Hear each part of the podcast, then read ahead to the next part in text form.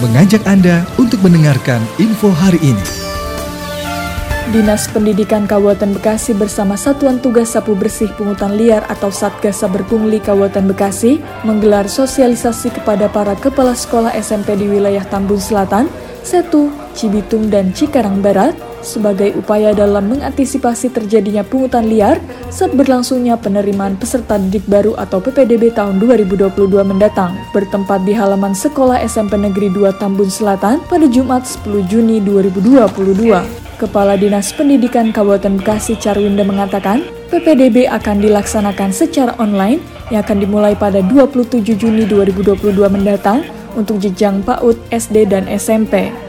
Untuk itu, Dinas Pendidikan bersama tim Saber Pungli Kabupaten Bekasi bersinergi dan berkolaborasi sebagai upaya dalam mengantisipasi terjadinya pungutan liar ketika berlangsungnya PBDB tersebut. Carwinda menambahkan, sosialisasi tersebut diselenggarakan di tiga sekolah SMP, yaitu SMP 3 Cikarang Utara, SMP 2 Tambun Selatan, dan SMP 1 Babelan.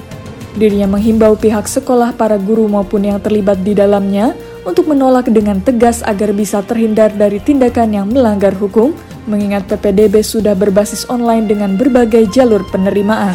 Eh, kita harus menjaga eh, keadilan dan juga ke eh, apa namanya hak ya kesetaraan dari semua anak-anak yang memang mempunyai kesempatan yang sama untuk bisa masuk asal bisa mengikuti prosedur dan ketentuan yang berlaku.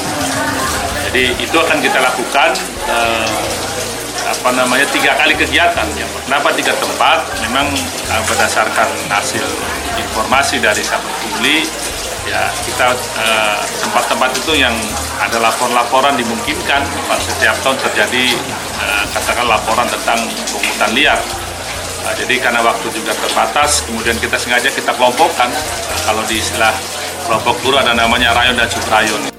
Pada kesempatan yang sama, Kepala SMP Negeri 2 Tambun Selatan Unang Permana menyambut baik arahan yang telah diberikan oleh tim Sahabat Pungli Kabupaten Bekasi maupun dari Dinas Pendidikan Kabupaten Bekasi. Dirinya juga menghimbau kepada para guru agar tidak melakukan tindakan tersebut.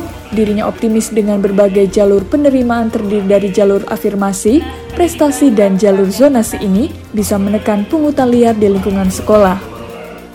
Mudah-mudahan itu bisa apa ya namanya bisa uh, berjalan dengan lancar ketika kita melaksanakannya sesuai dengan mekanisme-mekanisme yang ada aja. Improvisasi-improvisasi itu ya saya kira jangan terlalu dipikirkan dan jangan dilakukan. Ikuti ada mekanisme yang ada.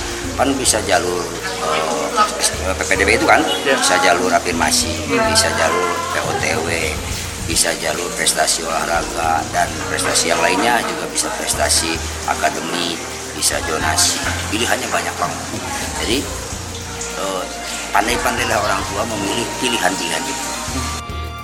Tim Liputan Newsroom Diskominfo Santik Kabupaten Bekasi untuk Wibo Mukti TV melaporkan. Dan